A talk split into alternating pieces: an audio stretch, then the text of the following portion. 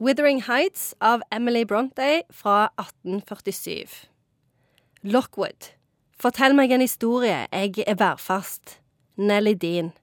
Jeg skal ikke sladre, men Heathcliff var adoptert, alle hatet han, og kjærligheten mellom ham og Catherine døde. Heathcliff Catherine! Lockwood. Da får jeg vel gå. Ja. Det som skjer her, da, det er at en som heter Lockwood, han kommer til et sånt et sted som ligger oppå The Moors eh, i Yorkshire. Og så får han høre hele historien om Heathcliff og Catherine, som er en sånn en veldig tragisk kjærlighetshistorie. Heathcliff er jo en verdens verste fyr. Utrolig sur og ganske slem. Eh, og Catherine, hun er allerede død. Og eh, Heathcliff dør òg på slutten. Har du grepet det, Skjæveland? Eh, Ikke helt. Jeg trodde jo dette var en sang av Kate Bush. Det er det òg, og det er en kjempefin sang. Eh, og det er en fantastisk roman. Det er jo, Folk skjønte jo ingenting av han når han kom i 1847. Og eh, det har blitt beskrevet som den eneste kjærlighetshistorien som har blitt skrevet uten at det er noen helt. Fordi at Heathcliff han er liksom, han er bare helt vill.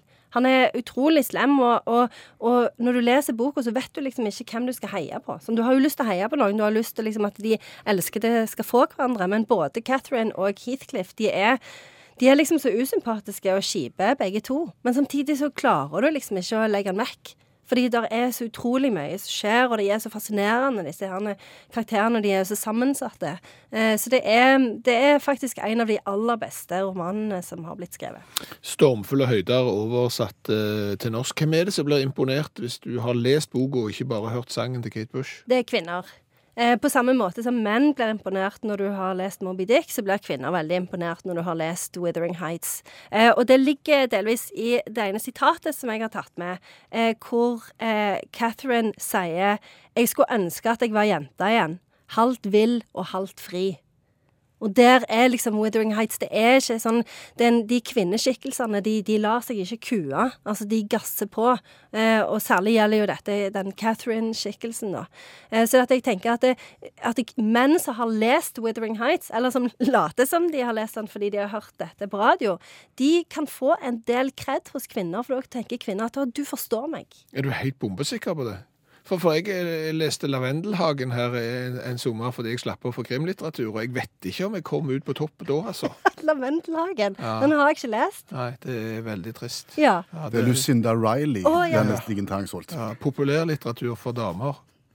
Men dette er jo for alle. Altså Withering Heights er for alle. Men jeg tenker at eh, med de skikkelsene som, som hun, Emily Brontë beskriver, så får du liksom et øye for kompleksiteten til mennesket som du ikke får i alle eh, Sikkert i Lucinda Riley òg, men i hvert fall her, da.